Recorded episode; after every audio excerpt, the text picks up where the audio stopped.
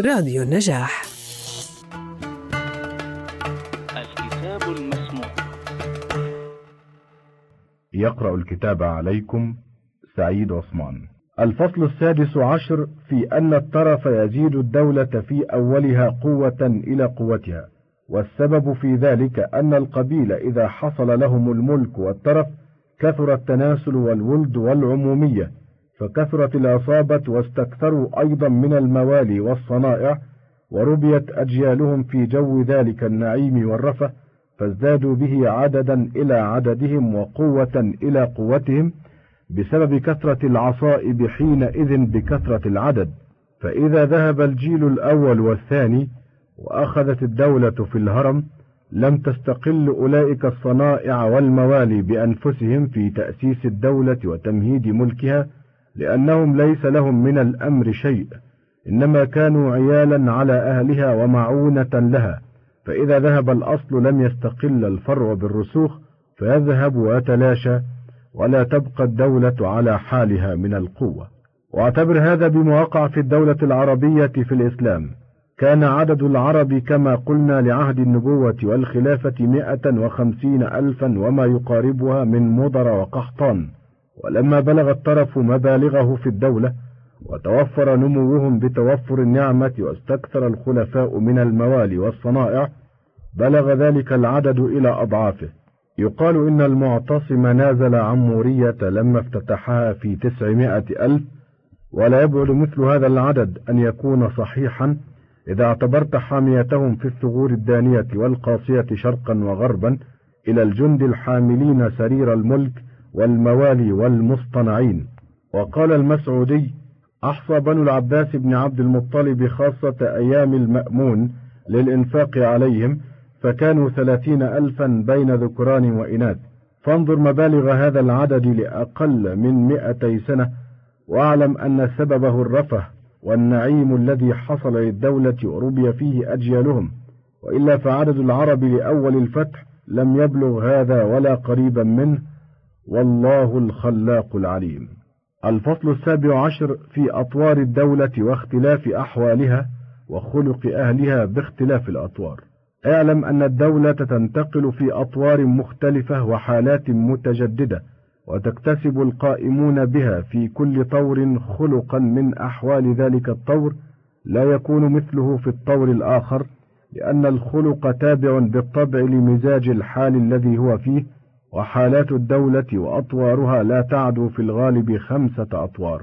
الطور الأول طور الظفر بالبغية وغلب المدافع والممانع والاستيلاء على الملك وانتزاعه من أيدي الدولة السالفة قبلها. فيكون صاحب الدولة في هذا الطور أسوة قومه في اكتساب المجد وجباية المال والمدافعة عن الحوزة والحماية لا ينفرد دونهم بشيء لأن ذلك هو مقتضى العصبية التي وقع بها الغلب وهي لم تزل بعد بحالها. الطور الثاني طور الاستبداد على قومه والانفراد دونهم بالملك وكبحهم عن التطاول للمساهمة والمشاركة. ويكون صاحب الدولة في هذا الطور معنيا باصطناع الرجال واتخاذ الموالي والصنائع والاستكثار من ذلك. لجدع أنوف أهل عصبيته وعشيرته المقاسمين له في نسبه الضاربين في الملك بمثل سهمه فهو يدافعهم عن الأمر ويصدهم عن موارده ويردهم على أعقابهم أن يخلصوا إليه. يعني يحول بينهم وبين الوصول إلى الحكم حتى يقر الأمر في نصابه ويفرد أهل بيته بما يبني من مجده فيعاني من مدافعتهم ومغالبتهم مثل ما عاناه الأولون في طلب الأمر أو أشد لأن الأولين دافعوا الأجانب فكان ظهراؤهم على مدافعتهم أهل العصبية بأجمعهم وهذا يدافع الأقارب لا يظاهره على مدافعتهم إلا الأقل من الأباعد فيركب صعبا من الأمر.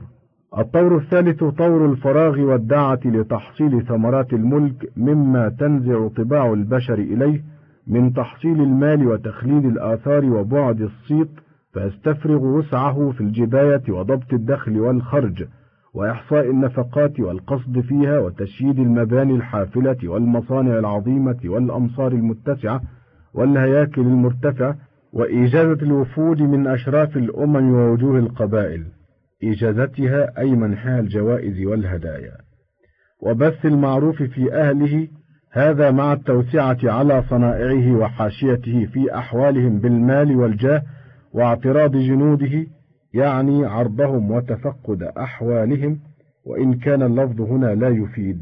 وإدرار أرزاقهم وإنصافهم في أعطياتهم لكل هلال حتى يظهر أثر ذلك عليهم في ملابسهم وشكتهم. الشكة السلاح. في ملابسهم وشكتهم وشاراتهم يوم الزينة فيباهي بهم الدول المسالمة ويرهب بهم الدول المحاربة. وهذا الطور آخر أطوار الاستبداد من أصحاب الدولة لأنهم في هذه الأطوار كلها مستقلون بآرائهم بانون لعزهم موضحون الطرق لمن بعدهم. الطور الرابع طور القنوع والمسالمة.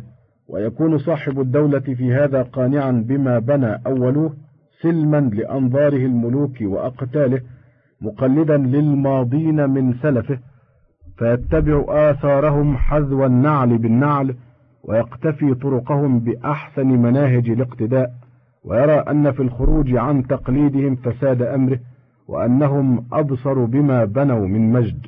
الطور الخامس طور الإسراف والتبذير ويكون صاحب الدولة في هذا الطور متلفا لما جمع أولوه في سبيل الشهوات والملاذ والكرم على بطانته وفي مجالسه واصطناع أخدان السوء وخضراء الدمن أصحاب المظاهر الخادعة من ذوي المنابت السيئة وتقليدهم عظيمات الأمور التي لا يستقلون بحملها ولا يعرفون ما يأتون وذرون منها مستفسدا لكبار الأولياء من قومه وصنائع سلفه حتى يضطغنوا أي يطوون قلوبهم على الضغينة حتى يضطغنوا عليه ويتخاذلوا عن نصرته مضيعا من جنده بما أنفق من أعطياتهم في شهواته وحجب عنهم وجه مباشرته وتفقده فيكون مخربا لما كان سلفه يؤسسون وهادما لما كانوا يبنون.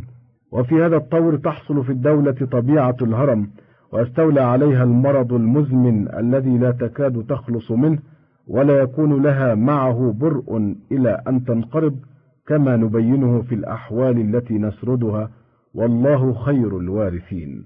الفصل الثامن عشر في أن آثار الدولة كلها على نسبة قوتها في أصلها. والسبب في ذلك أن الآثار إنما تحدث عن القوة التي كانت بها أولا وعلى قدرها يكون الأثر. فمن ذلك مباني الدولة وهياكلها العظيمة فإنما تكون على نسبة قوة الدولة في أصلها لأنها لا تتم إلا بكثرة الفعلة واجتماع الأيدي على العمل بالتعاون فيه. فإذا كانت الدولة عظيمة فسيحة الجوانب كثيرة الممالك والرعايا كان الفعلة كثيرين جدا وحشروا من آفاق الدولة وأقطارها فتم العمل على أعظم هياكله. ألا ترى إلى مصانع قوم عاد وثمود وما قصه القرآن عنهما؟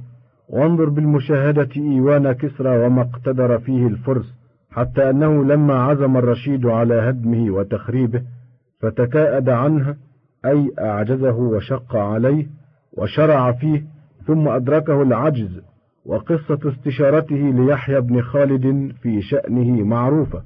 فانظر كيف تقتدر دولة على بناء لا تستطيع أخرى هدمه مع بون ما بين الهدم والبناء في السهولة. تعرف من ذلك بون ما بين الدولتين. وانظر إلى بلاط الوليد بدمشق وجامع بني أمية بقرطبة والقنطرة التي على واديها. وكذلك بناء الحنايا لجلب الماء إلى قرطى جنة في القناة الراكبة عليها وآثار شرشال بالمغرب والأهرام بمصر وكثير من هذه الآثار الماثلة للعيان يعلم منه اختلاف الدول في القوة والضعف. واعلم أن تلك الأفعال للأقدمين إنما كانت بالهندام أي بالنظام وإعمال العقل وحسن الإدارة. واعلم أن تلك الأفعال للأقدمين إنما كانت بالهندام واجتماع الفعلة وكثرة الأيدي عليها فبذلك شيدت تلك الهياكل والمصانع. ولا تتوهم ما تتوهمه العامة أن ذلك لعظم أجسام الأقدمين عن أجسامنا في أطرافها وأقطارها فليس بين البشر في ذلك كبير بون كما نجد بين الهياكل والآثار. ولقد ولع القصاص بذلك وتغالوا فيه وسطروا عن عاد وثمود والعمالقة في ذلك أخبارا عريقة في الكذب من أغربها ما يحكون عن عوج بن عناق رجل من العمالقة الذين قاتلهم بنو إسرائيل في الشام زعموا أنه كان لطوله يتناول السمك من البحر ويشويه إلى الشمس ويزيدون إلى جهلهم بأحوال البشر الجهل بأحوال الكواكب لما اعتقدوا أن للشمس حرارة وأنها شديدة فيما قرب منها ولا يعلمون أن الحر هو الضوء وأن الضوء فيما قرب من الأرض أكثر لانعكاس الأشعة من سطح الأرض بمقابلة الأضواء فتتضاعف الحرارة هنا لأجل ذلك. وإذا تجاوزت مطارح الأشعة المنعكسة فلا حر هنالك بل يكون فيه البرد حيث مجاري السحاب وأن الشمس في نفسها لا حارة ولا باردة وإنما هي جسم بسيط مضيء لا مزاج له. وكذلك عود بن عناق هو فيما ذكروه من العمالقة أو من الكنعانيين الذين كانوا فريسة بني إسرائيل عند فتحهم الشام. وأطوال بني إسرائيل وجثمانهم لذلك العهد قريبة من هياكلنا يشهد لذلك أبواب بيت المقدس فإنها وإن خربت وجددت لم تزل المحافظة على أشكالها ومقادير أبوابها وكيف يكون التفاوت بين عوج وبين أهل عصره بهذا المقدار وإنما مثار غلطهم في هذا أنهم استعظموا آثار الأمم ولم يفهموا حال الدول في الاجتماع والتعاون وما يحصل بذلك وبالهندام من الآثار العظيمة. فصرفوه إلى قوة الأجسام وشدتها بعظم هياكلها وليس الأمر كذلك. وقد زعم المسعودي ونقله عن الفلاسفة مزعما لا مستند له إلا التحكم وهو أن الطبيعة التي هي جبلة للأجسام لما برأ الله الخلق كانت في تمام المرة أي القوة ومتانة التكوين ونهاية القوة والكمال. وكانت الأعمار أطول والأجسام أقوى لكمال تلك الطبيعة فإن طروء الموت إنما هو بانحلال القوى الطبيعية. فإذا كانت قوية كانت الأعمار أزيد فكان العالم في أولية نشأته تام الأعمار كامل الأجسام. ثم لم يزل يتناقص لنقصان المادة إلى أن بلغ إلى هذه الحال التي هو عليها ثم لا يزال يتناقص إلى وقت الانحلال وانقراض العالم. وهذا رأي لا وجه له إلا التحكم كما تراه وليس له علة طبيعية ولا سبب برهاني ونحن نشاهد مساكن الأولين وأبوابهم وطرقهم فيما أحدثوه من البنيان والهياكل والديار والمساكن كديار ثمود المنحوتة في الصلب من الصخر بيوتا صغارا وأبوابها ضيقة. وقد أشار صلى الله عليه وسلم إلى أنها ديارهم ونهى عن استعمال مياههم. وطرح ما عجن به وأهرقه وقال لا تدخلوا مساكن الذين ظلموا أنفسهم إلا أن تكونوا باكين أن يصيبكم ما أصابهم. وكذلك أرض عاد ومصر والشام وسائر بقاع الأرض شرقا وغربا والحق ما قررناه. ومن آثار الدول أيضا حالها في الأعراس والولائم كما ذكرناه في وليمة بوران وصنيع الحجاج وابن ذي النون. وقد مر ذلك كله ومن آثارها أيضا عطايا الدول وأنها تكون على نسبتها ويظهر ذلك فيها ولو أشرفت على الهرم فإن الهمم التي لأهل الدولة تكون على نسبة قوة ملكهم وغلبهم للناس والهمم لا تزال مصاحبة لهم إلى انقراض الدولة. واعتبر ذلك بجوائز ابن ذي يزن لوفد قريش كيف أعطاهم من أرطال الذهب والفضة والأعبد والوصائف. الأعبد العبيد والوصائف جمع وصيفة وهي الجارية تؤهلها ميزاتها لمصاحبة عقيلات الملوك والخدمة في بيوت ذوي الجاه واليسار. وكيف أعطاهم من أرطال الذهب والفضة والأعبد والوصائف عشرا عشرا ومن كرش العنبر واحدة وأضعف ذلك بعشرة أمثاله لعبد المطلب وإنما ملكه يومئذ قرارة اليمن خاصة تحت استبداد فارس. وإنما حمله على ذلك همة نفسه بما كان لقومه التبابعة من الملك في الأرض والغلب في الأمم في العراقين والهند والمغرب. وكان الصنهاجيون بأفريقية أيضا إذا أجازوا الوفد من أمراء زناتة الوافدين عليهم فإنما يعطونهم المال أحمالا. والكساءة خوتا. التخوت جمع يخت وهو ما تصان فيه الثياب من أوعية أو صناديق. والكساءة خوتا مملوءة والحملان نجائب عديدة في جميع النسخ والحملات جنائب. والحملان نجائب عديدة وفي تاريخ ابن الرفيق من ذلك أخبار كثيرة. وكذلك كان عطاء البرامكة وجوائزهم ونفقاتهم. وكانوا إذا كسبوا معدما فإنما هو الولاية والنعمة آخر الدهر لا العطاء الذي يستنفده يوم أو بعض يوم. وأخبارهم في ذلك كثيرة مسطورة وهي كلها على نسبة الدول جارية. هذا جوهر الصقلي الكاتب قائد جيش العبيديين لما ارتحل إلى فتح مصر استعد من القيروان بألف حمل من المال. ولا تنتهي اليوم دولة إلى مثل هذا. وكذلك وجد بخط أحمد بن محمد بن عبد الحميد عمل بما يحمل إلى بيت المال ببغداد أيام المأمون من جميع النواحي نقلته من جراب الدولة. غلات السواد سبع وعشرون ألف ألف درهم مرتين وثمانمائة ألف درهم ومن الحلل النجرانية نسبة إلى نجران مئة حلة ومن طين الختم مئتان وأربعون رطلا. كفكر أحد عشر ألف ألف درهم مرتين وستمائة ألف درهم. كور دجلة عشرون ألف ألف درهم وثمانية دراهم. حلوان أربعة آلاف ألف درهم مرتين وثمانمائة ألف درهم.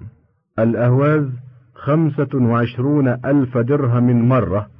ومن السكر ثلاثون ألف رطل. فارس سبعة وعشرون ألف ألف درهم ومن ماء الورد ثلاثون ألف قارورة ومن الزيت الأسود عشرون ألف رطل. كرمان أربعة آلاف ألف درهم مرتين ومائة ألف درهم. ومن المتاع اليماني خمسمائة ثوب ومن التمر عشرون ألف رطل. مكران أربعمائة ألف درهم مرة. السند وما يليه أحد عشر ألف ألف درهم مرتين وخمسمائة ألف درهم ومن العود الهندي مئة وخمسون رطلا. سجستان أربعة آلاف ألف درهم مرتين ومن الثياب المعينة ثلاثمائة ثوب ومن الفانيذ ضرب من الحلوى عشرون رطلا. خراسان ثمانية وعشرون ألف ألف درهم مرتين ومن نقر الفضة ألف نقرة ومن البراذين أربعة آلاف ومن الرقيق ألف رأس ومن المتاع عشرون ألف ثوب ومن الإهليلج ثلاثون ألف رطل. جرجان اثنى عشر ألف ألف درهم مرتين ومن الإبريسم ألف شقة. الإبريسم الحرير. قومس ألف ألف مرتين وخمسمائة من نقر الفضة.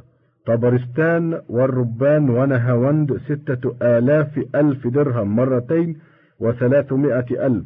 ومن الفرش الطبري ستمائة قطعة ومن الأكسية مئتان ومن الثياب خمسمائة ثوب ومن المناديل ثلاثمائة ومن الجامات ثلاثمائة. الري اثنى عشر ألف ألف درهم مرتين ومن العسل عشرون ألف رطل. همدان أحد عشر ألف ألف درهم مرتين وثلاثمائة ألف ومن رب الرمان ألف رطل ومن العسل اثنى عشر ألف رطل. ما بين البصرة والكوفة عشرة آلاف ألف درهم مرتين وسبعمائة ألف درهم. مسبذان والدينار أربعة آلاف ألف درهم مرتين. شهرزور ستة آلاف ألف درهم مرتين وسبعمائة ألف درهم.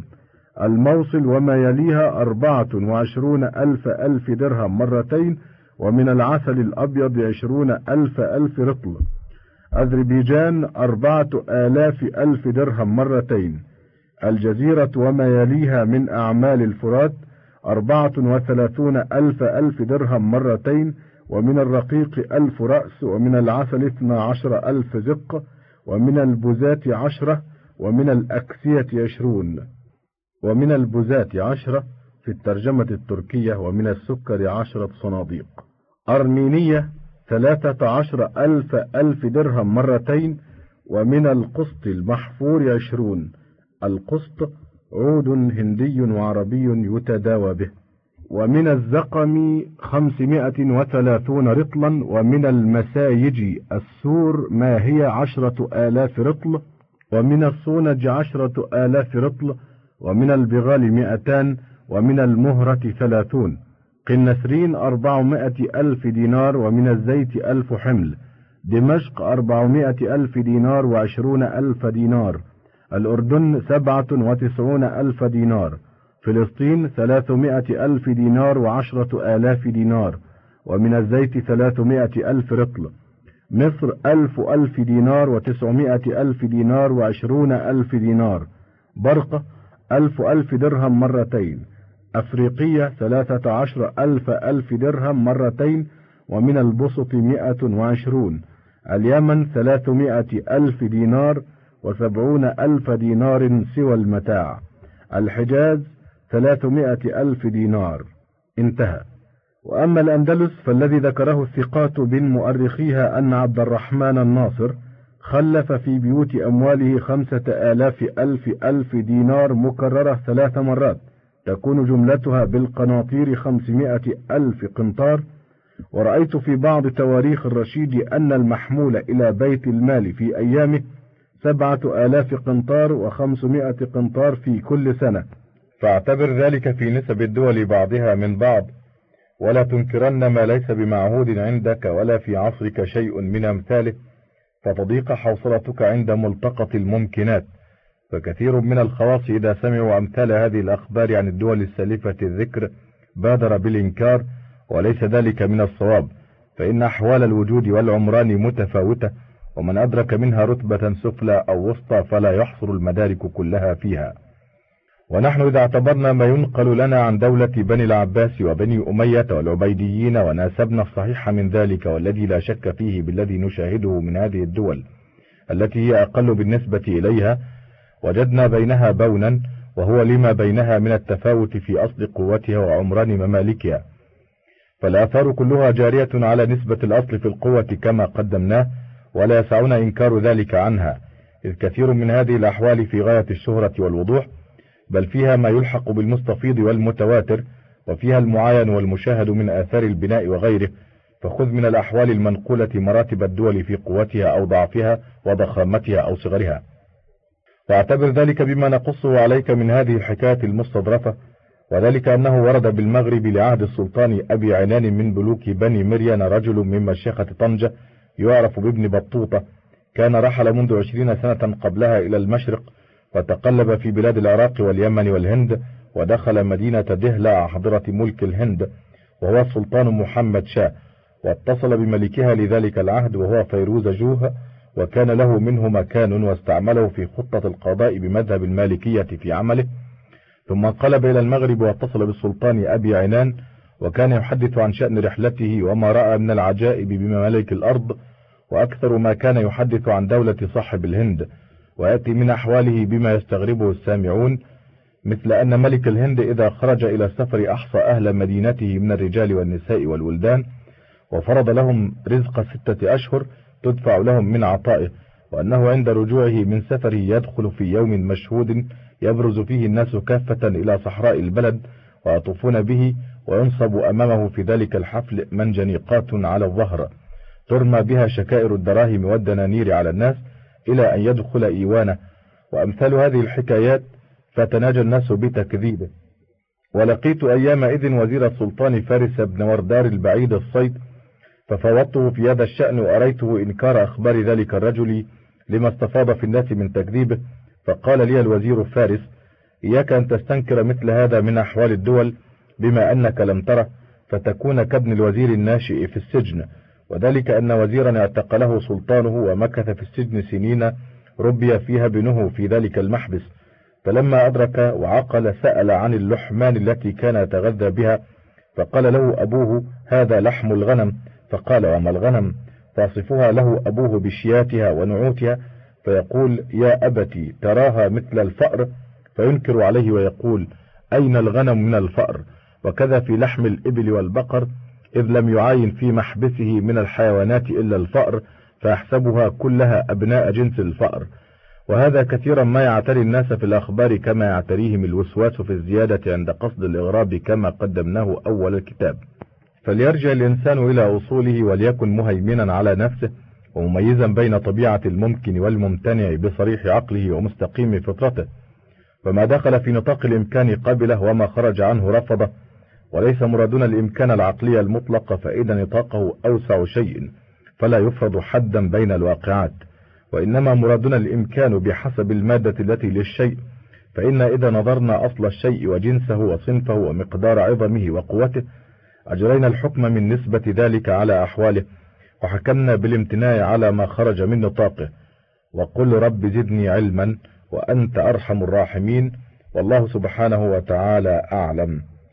الآية رقم 114 من سورة طه.